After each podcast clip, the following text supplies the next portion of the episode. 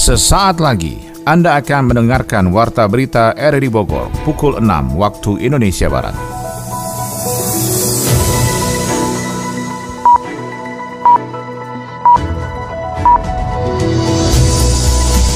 Selamat pagi dan salam jumpa. Kembali kami hadir dalam Warta Berita edisi hari ini, Kamis 3 Agustus 2023. Siaran kami bisa Anda dengarkan lewat audio streaming di RRI Play dan bisa Anda dengarkan juga di audio on demand di Spotify, Anchor, Portal, dan Google Podcast. Berita utama pagi ini adalah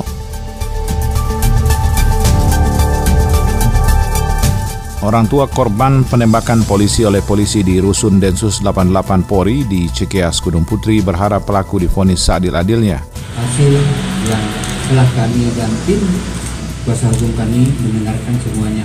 Saya sebagai orang tua mengucapkan banyak terima kasih atas bantuannya. Delapan orang penambang emas asal Kabupaten Bogor yang tertimbun di lubang galian emas Banyumas, Jawa Tengah dinyatakan meninggal dunia. Pada intinya keluarga sudah mengikhlaskan. Karena apa? Ya karena memang dalam kondisi kesulitan ekonomi tentu mencari nafkah ya dengan resiko besar ya. Ratusan masa mendesak pemerintah daerah untuk mengadvokasi ratusan buruh di Kabupaten Bogor yang di PHK sepihak tanpa pesangon. Karena bagaimanapun juga bahwa bahwa buruh dan perusahaan ini perlu kita lindungi. Saya Maulana Isnarto, inilah Warta Berita selengkapnya.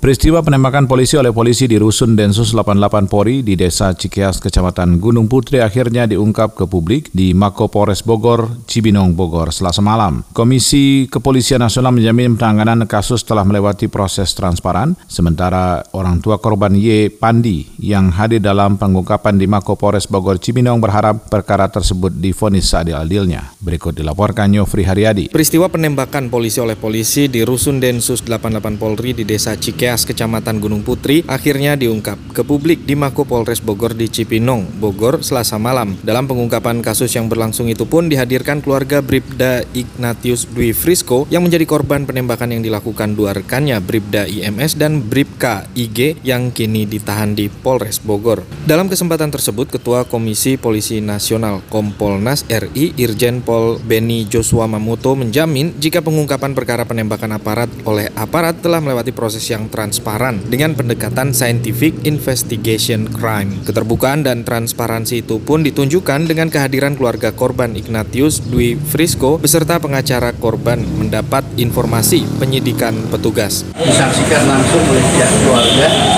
sehingga pihak keluarga dan penasihat hukum bisa tahu fakta yang sesungguhnya di lapangan itu seperti apa. Fakta yang diungkap adalah secara runut dari sejak awal komunikasi mereka sampai dengan pertemuan, kemudian sampai dengan kejadian itu. Penerapan pasal sudah, namun nanti tentunya ketika koordinasi dengan jaksa penuntut umum, ketika pelimpahan perkara tahap pertama, tentu akan ada komunikasi. Apakah pasal yang diterapkan ini sudah sesuai dengan fakta dan sesuai dengan penilaian dari jaksa atau belum itu nanti di tahap pertama. Sejauh ini tadi keluarga diberi kesempatan, penasihat hukum juga diberi kesempatan untuk bertanya atau mendalami beberapa hal dan sudah diberikan jawaban oleh penyidik. Sejauh ini yang memegang senjata kemudian meletus ini sudah menjadi tersangka. Kemudian yang memiliki senjatanya itu sendiri sudah jadi tersangka. Dari informasi yang digali petugas, salah seorang tersangka pelaku penembak tidak menduga senjata api yang dikeluarkan dari tas yang di bawahnya ternyata sudah terisi magasin dan peluru dalam kondisi terkokang. Dijelaskan Kapolres Bogor AKBP Rio Wahyu Anggoro, pada saat tersangka melakukan ancaman kepada korban, picu senjata tertekan hingga akhirnya terjadi letupan mengenai telinga dan belakang leher korban. Tersangka IM kembali mengeluarkan dan menunjukkan senjata api yang tadi ditunjukkan kepada para saksi itu ditunjukkan kepada korban ID. Saat tersangka IM menunjukkan senjata api tersebut kepada korban, tiba-tiba senjata api tersebut mengenai meletus dan mengenai leher korban ID terkena pada bagian bawah telinga sebelah kanan menembus ke tungku belakang sebelah kiri Sementara itu, orang tua korban Y. Pandi yang hadir dalam pengungkapan di Mako Polres Bogor di Cibinong berharap perkara tersebut difonis seadil-adilnya. Maka Polres Bogor uh, dan Kabar Reskrim ya yang tadi telah menjelaskan hasil yang telah kami dan tim kuasa hukum kami mendengarkan semuanya.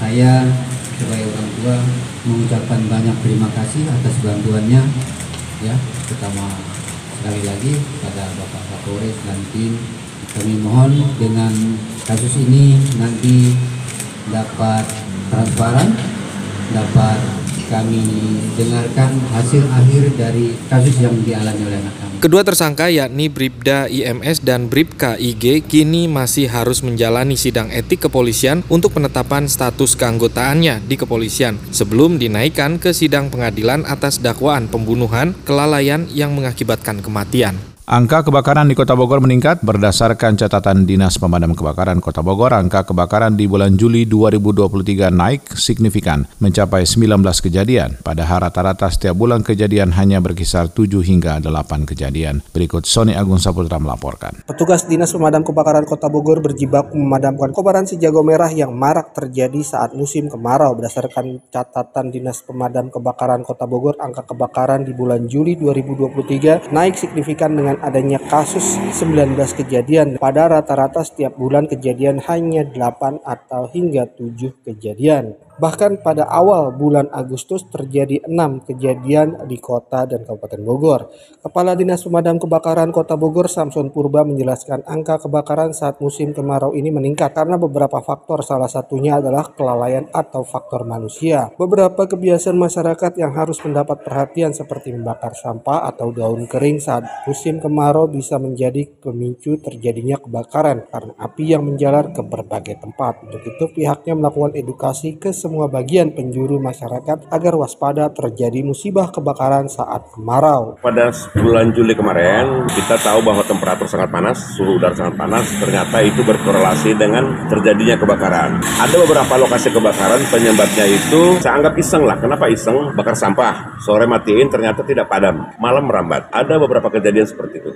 Untuk yang kemarin itu sendiri, satu di Rancamaya, satu di Cilebut, penyebabnya seperti itu. Juga yang di Jalan Sudirman, penyebabnya adalah karena bakar sampah. Pada bulan Juli, tingkat kebakaran itu di Kota Bogor sangat signifikan. Boleh katakan terjadi peningkatan 100%. Nah, untuk itu kami berharap sih warga dan masyarakat dari kita semuanya mengantisipasi dan menjaga lingkungan masing-masing. Personil pemadam kebakaran dan aparatur wilayahan juga siap melakukan penanganan jika terjadi amukan si jago merah, baik itu di kota kota atau Kabupaten Bogor dengan adanya mobil pemadam yang siap bergerak 24 jam. Warga desa Semplak Barak, Kecamatan Kemang Bogor mempertanyakan minimnya keterlibatan masyarakat dalam pembangunan bronjong program bantuan keuangan Samisade Kabupaten Bogor. Warga juga mempertanyakan transparansi proyek senilai 1 miliar tersebut. Adi Fajar Nugraha melaporkan. Warga desa Semplak Barat, Kecamatan Kemang mempertanyakan minimnya keterlibatan masyarakat dalam pembangunan bronjong program bantuan keuangan Samisade Kabupaten Bogor. Hal itu diungkapkan salah seorang anggota Badan Permusyawaratan Desa setempat. Menurutnya dalam pelang informasi proyek tertulis bahwa pembangunan dilakukan oleh TPK dengan masyarakat, namun dari informasi yang diterima bahwa pekerja proyek berasal dari pihak ketiga yang berdomisili di luar Kabupaten Bogor. Hal ini tentunya tidak sesuai dengan semangat membangun desa dengan pemberdayaan masyarakat sekitar. Jadi pekerjanya itu dari Pekalongan yang mayoritas yang pekerjanya, tapi ada warga di situ ada tiga orang yang dikerjakan di bawah. Terus untuk pengangkutan barang-barang itu warga di situ, jadi digilir kayaknya. Karena saya belum baru kemarin saya ngeliatin pelaksanaan Samisade itu ya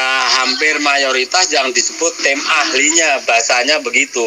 Jadi pekerja itu di disubkan di dikerjakan sama pihak ketiga bukan pihak pemerintah desa. Bahkan warga pun juga mempertanyakan soal transparansi anggaran dari pembangunan itu. Warga yang tak ingin disebutkan namanya itu mengatakan dalam pelang informasi proyek hanya tertera anggaran sebesar 1 miliar bersumber dari program Samisade namun perwakilan masyarakat dari Badan Permusyawaratan Desa atau BPD sendiri tidak pernah menerima rincian anggaran biaya atau RAB dari pembangunan tersebut. Tersebut. Padahal RAB tersebut menjadi dasar pengawasan bagi masyarakat untuk melakukan pengawasan dalam pembangunan itu. Kalau anggarannya tahu yang tahunya tertera itu satu miliar itu karena apa udah dijelaskan bahwa dana satu miliar itu belum dikurangi PPN PPH dan biaya operasional untuk sampai detik sekarang RAB belum diperlihatkan ke BPD semua BPD pak karena minta berkali-kali enggak eh, belum dikasihkan. Semua BPP sekarang itu bahasanya mengeluh Pak karena sebagai pengawasan mitra kerja dengan pemerintah desa, tapi RAB aja nggak punya, nggak punya pegangan. Jadi pengawasannya dasarnya apa kalau BPD untuk ngawasi? Senada dengan itu Rahmat Syah seorang warga Semplak Barat lainnya menekankan seharusnya pemerintah desa banyak melibatkan masyarakat untuk bersama membangun desanya. Padahal masih banyak warga sekitar yang berstatus pengangguran dan harus diberdayakan. Rahmat pun mendesak pihak desa untuk transparan dalam segala kegiatan desa yang anggarannya menggunakan uang rakyat. Ini kan merujuk kepada Perbup nomor 83 tahun 2020 tentang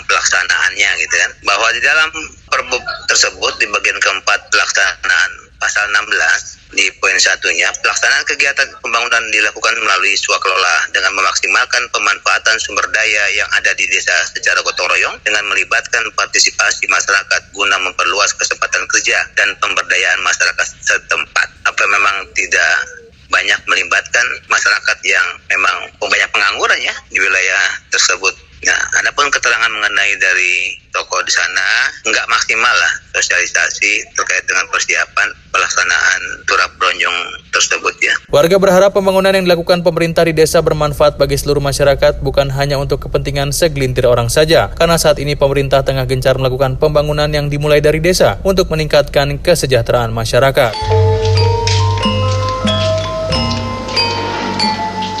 gaya pareng gaul angsal keren sae nanging tetep ngagem kesopanan.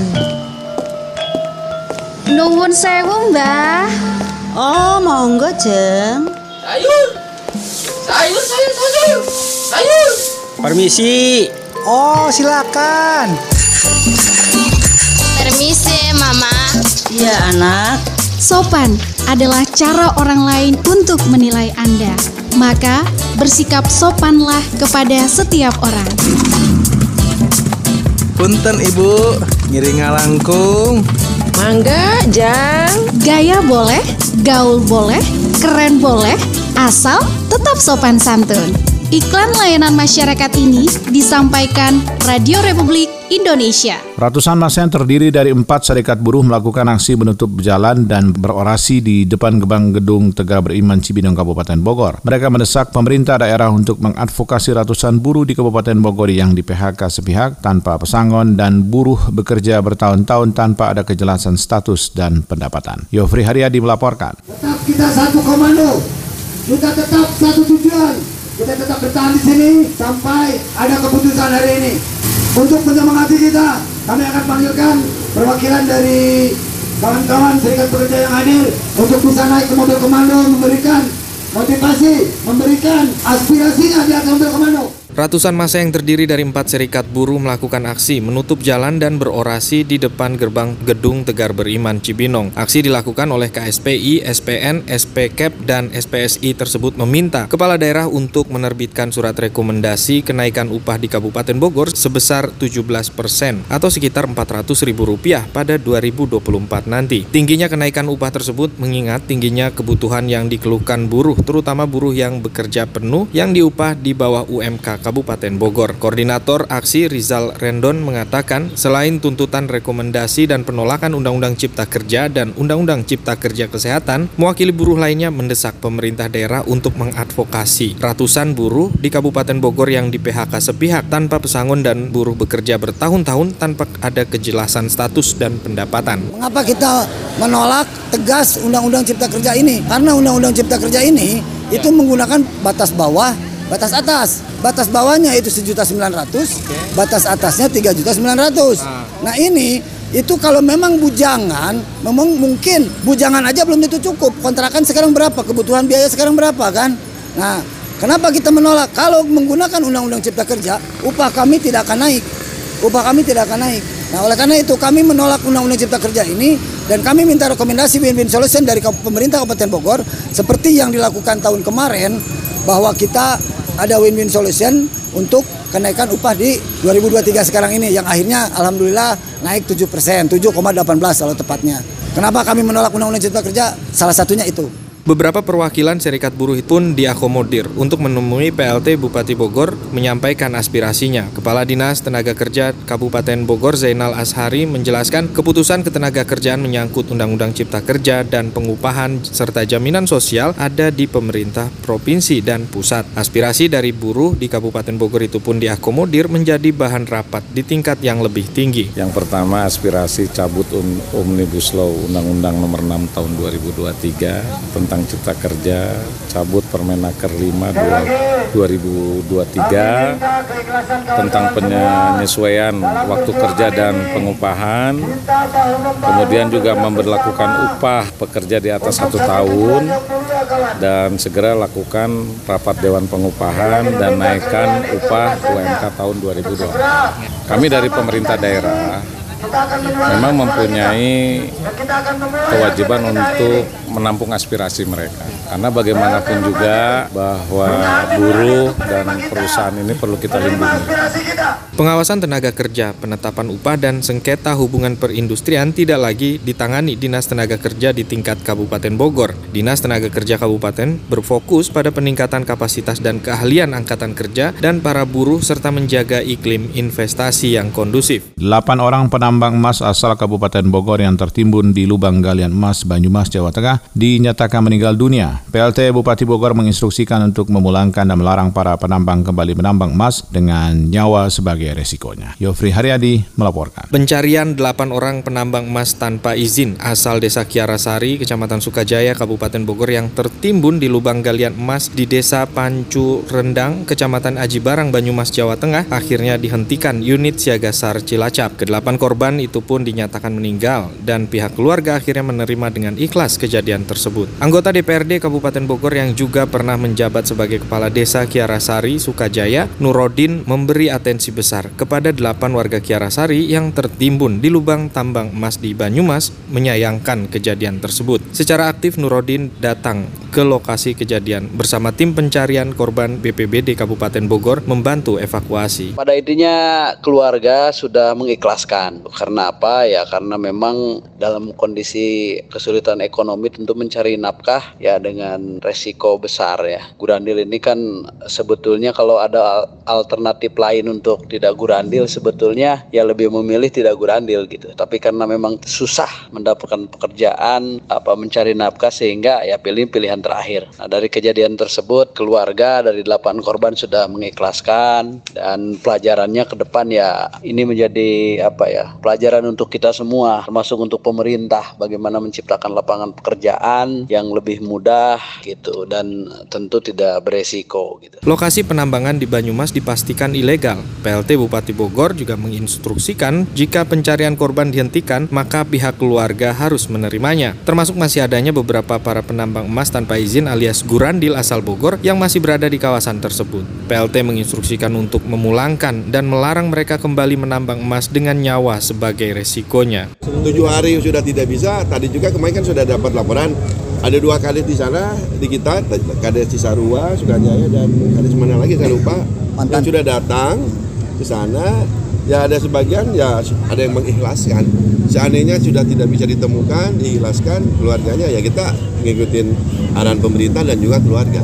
Jadi pada prinsipnya kita ini posisi. Kalau saya saran udah dipulangkan aja ke daerah masing-masing di Bogor ya. Itu kan pertambangan ilegal ya. Kedelapan korban tertimbun di galian emas Banyumas, Jawa Tengah asal Kabupaten Bogor yakni Cecep Suryana, Rama Abdul Rohman, Ajat, Markolis, Marmumin, Muhyiddin, Jumadi serta Mulyadi menjadi penutup lokasi galian di wilayah itu. Dengan dipasangnya batu nisan bersama dan menjadi pulasara mereka. Komandan Korem 061 Surya Kencana Bogor, Brigadir Jenderal Anan Nurrahman, mengingatkan jajarannya untuk netral pada pemilu 2024. Anggota ini juga wajib menjaga dan mengawal mulai dari tahapan hingga mengamankan situasi dan kondisi keamanan masyarakat. Yofri Haryadi melaporkan. Komandan Korem 061 Surya Kencana Bogor, Brigadir Jenderal Anan Nurrahman mengunjungi Kodim 0621 Kabupaten Bogor. Dalam kunjungannya tersebut, Brigjen Anan memberikan pesan kepada jajaran untuk netral di pemilu 2024 nanti. Selain membahas netralitas TNI dan keluarganya paham batas-batas yang boleh dan tidak dalam pemilu nanti terlebih memasuki masa kampanye. Dalam agenda kunjungan itu pun, dan Rem 061 Surya Kencana di hadapan para dan Ramil hingga Babinsa di seluruh wilayah Kabupaten Bogor untuk saling berkoordinasi, terutama dengan instansi samping, yakni Polri dan pemerintah daerah, sehingga diharapkan pemilu di wilayah Korem 061 Surya Kencana berjalan dengan baik. Kita akan melaksanakan pesta demokrasi, tentunya ada beberapa hal yang perlu saya tekankan kepada seluruh jajaran. Yang pertama tentunya netralitas TNI dalam pelaksanaan pemilu nantinya sehingga kita sudah harus mengerti mana yang boleh kita lakukan dan mana yang tidak. Jadi kita ingatkan semua pada seluruh anggota sehingga harapannya saat nanti pelaksanaan pesta demokrasi tersebut bisa terlaksana dengan aman, dengan baik, tidak ada kendala di lapangan. Saat pemilu berlangsung, anggota TNI yang ditugaskan wajib menjaga dan mengawal, mulai dari tahapan hingga mengamankan situasi dan kondisi keamanan masyarakat dan paham gerakan dan potensi gesekan antar pendukung di satu wilayah yang menjadi tempat mereka bertugas.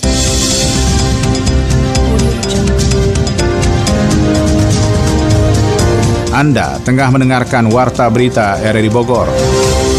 Info ekonomi kali ini soal pemerintah akan merevisi peraturan Menteri Perdagangan untuk melarang penjualan barang impor dengan nilai kurang 1,5 juta rupiah per unit di marketplace. Presiden Joko Widodo menyebutkan batik tidak hanya sebagai simbol keindahan dan kehormatan, tetapi juga simbol kebangkitan ekonomi Indonesia. Adi Fajar Nugraha melaporkan. Presiden Joko Widodo menganggap batik sangat istimewa baginya maupun bagi Indonesia. Pasalnya batik tidak hanya sebagai simbol keindahan dan kehormatan, tetapi juga simbol kebangkitan ekonomi Indonesia. Pasalnya melalui batik, jutaan masyarakat Indonesia mendapatkan lapangan kerja dan mata pencahariannya. Apalagi kata Presiden saat ini perekonomian Indonesia tumbuh dengan sangat baik, yang di tahun lalu sendiri mencapai 5,3 persen. Sementara itu perhitungan terakhir pada kuartal 2 tahun 2023 menunjukkan angka 5,1 persen. Menteri Perindustrian Agus Gumiwang menyatakan industri batik merupakan bagian dari subsektor industri tekstil dan pakaian yang memiliki peranan penting bagi perekonomian nasional. Berdasarkan data BPS yang diolah, nilai ekspor batik pada tahun 2022 masih kecil, senilai 64,56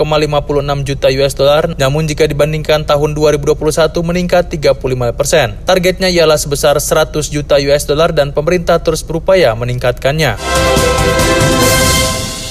Pemerintah akan merevisi peraturan Menteri Perdagangan nomor 50 tahun 2020 untuk melarang penjualan barang impor dengan nilai kurang dari 100 US dollar atau setara 1,5 juta rupiah per unit di marketplace. Rencana kebijakan itu pun mendapatkan penolakan dari para pengusaha. Ketua Asosiasi Pengusaha Logistik E-commerce Sony Harsono menilai kebijakan baru ini tidak merefleksikan kondisi nyata di lapangan. Sony mencontohkan jika pemerintah menghentikan impor barang-barang seperti aksesoris ponsel dan atau elektronik yang tidak diproduksi dalam negeri justru menimbulkan risiko terjadinya kegiatan impor ilegal. Sony menerangkan ada salah satu saran yang lebih baik dilakukan oleh pemerintah agar harga barang impor cross-border lebih tinggi, yakni dengan meningkatkan pajak. Seperti besaran komponen biaya impor berupa peningkatan bea masuk dari 7,5% menjadi 10%, ditambah PPN 10% dan PPH. Sony mengungkap pengusaha mengajukan empat solusi terhadap persoalan ini. Pertama, pemerintah diharapkan mewajibkan platform pelaku transaksi impor cross-border untuk memfasilitasi ekspor lintas negara dengan volume yang lebih tinggi Kedua, pemerintah meningkatkan besaran komponen biaya impor berupa peningkatan biaya masuk dari 7,5% persen menjadi 10% persen ditambah dengan PPN dan PPH. Ketiga, pemerintah melakukan screening atau penyaringan terhadap e-commerce lokal yang tidak melakukan transaksi cross-border. Keempat, pemerintah sebaiknya melakukan kunjungan ke kampus-kampus UMKM yang diprakarsai oleh platform untuk menjelaskan secara mendalam benefit dari transaksi ekspor cross-border bagi pelaku UMKM di tanah air.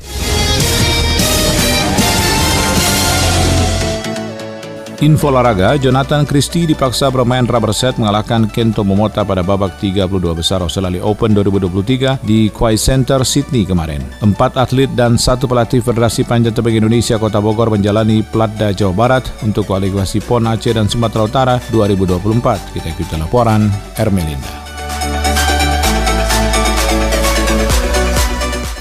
Jonathan Christie dipaksa bermain rubber saat mengalahkan Kento Momota 21-23, 21-14, dan 21-12 pada babak 32 besar Australia Open 2023 di Quay Center Sydney pada hari Rabu kemarin. Di game pertama pertandingan berjalan imbang. Beberapa kali pengamatan bola yang akurat dari Momota membuat Jonathan sempat tertinggal hingga 10-7. Namun sejumlah permainan rally yang apik membuat Jojo sukses menyamakan kedudukan 10-10. Momota tidak menyerah begitu saja. Mantan pemain nomor satu dunia itu sukses memberikan tekanan kepada Jonathan. Sempat tertinggal 16-20, Momota sukses menyamakan kedudukan 20-20 dan memaksakan Jers. Jonathan akhirnya kalah di game pertama dengan 21-23. Di game kedua, Jonathan kembali unggul jauh 5-1 di awal. Tapi lagi-lagi pemain 25 tahun itu membuang keunggulan hingga Momota berbalik unggul 8-7. Duel sengit kemudian terjadi hingga 12-11, namun Jonathan bermain lebih tenang. Berbeda dari game pertama, Jonathan mampu mempertahankan keunggulan hingga menang 21-14 di game kedua. Di game penentuan, Jonathan menampilkan permainan terbaiknya hingga keunggulan 11-3 saat interval. Tiga poin beruntun sempat diraih Momota 6-11, namun secara perlahan Jonathan terus mendekati posisi match point. Smash-smash menyilang beberapa kali mampu menjadi senjata ampuh poin Jonathan untuk mendulang poin. Unggulan ketujuh di Australia Open 2023 itu akhirnya menang 21-12 di game ketiga dan mengalahkan Momota dalam laga berdurasi 1 jam 12 menit. Empat atlet dan satu pelatih Federasi Panjat Tebing Indonesia FPTI Kota Bogor menjalani pemusatan latihan daerah Pelatda Jawa Barat di Kabupaten Bekasi sebelum memperkuat kontingen Jawa Barat pada babak kualifikasi Pekan Olahraga Nasional BKPON Aceh dan Sumatera Utara tahun 2024 yang akan digelar tahun 2023 ini. Keempat climber Kota Hujan yang saat ini menjalani Pelatda PON di antaranya Widya Fujianti, Neila Ayu Putri, Nagita Febrianti, dan juga Dodi Bahtiar. Sedangkan satu pelatih atas nama Siti Robiah. Dede Rohman, Ketua Harian FPTI Kota Bogor mengatakan jika program pembinaan selama ini bisa membuahkan hasil dan harapannya keempat atletnya bisa masuk dalam skuad PON 2024. FPTI Kota Bogor sendiri alhamdulillah sejauh ini dari sisi pembinaan kalau saya saya aman dan saya rasakan cukup bagus ya. Cukup bagus ini artinya kita bisa lihat dari hasil prestasi yang didapat. Target yang kita berikan kepada juga mungkin namun bisa lebih dari dari yang ditentukan seperti itu. Mudah-mudahan dari empat ini kita ya mudah-mudahan kita bisa berkembang lagi lah artinya bisa nambah itu harapannya. Dede Rohman juga meminta kepada empat atlet dan pelatih agar tetap fokus berlatih guna prestasi terbaik untuk Jabar di ajang BKPON 2023 ini. Dede Rohman juga menyampaikan jika dari empat atlet ini ada tiga atlet yang baru pertama masuk dalam skuad panjat tebing Jabar untuk BKPON kali ini. Sementara itu Siti Robia yang saat ini berada di Pelatda bersama para atletnya saat dihubungi RRI mengatakan kesiapannya jelang BK. Menurut Obi Sapan akrabnya, tiga bulan waktu persiapan masihlah sangat kurang karena banyak hal yang harus dipersiapkan jelang event besar seperti BK PON ini. Bersaing dari berbagai daerah untuk merebut kuota masuk dalam PON 2024. Dan alhamdulillah Kota Bogor ini masuk empat orang yang lolos untuk masuk tim pelatdanya. Kurang, seharusnya sih setahun sebelumnya kita kan pakai lebih idealnya kan pakai periodisasi kalau untuk latihan kan program latihan. Tapi ini nggak tahu kenapa persiapannya mepet banget sama BK-nya gitu. Kita nggak pakai zona, jadi langsung semuanya. Seluruh nasional itu ngambil kuotanya itu di BK. Mudah-mudahan sih atlet Kota Bogornya bisa dapat kuota di untuk bisa dapat lanjut ke ponnya. Masuknya tiga atlet muda ini tentunya melalui proses seleksi sehingga menurut Obi ini menjadi kebanggaan FPT Kota Bogor yang bisa menyumbangkan tiga atlet muda untuk Jabar pada BKPON.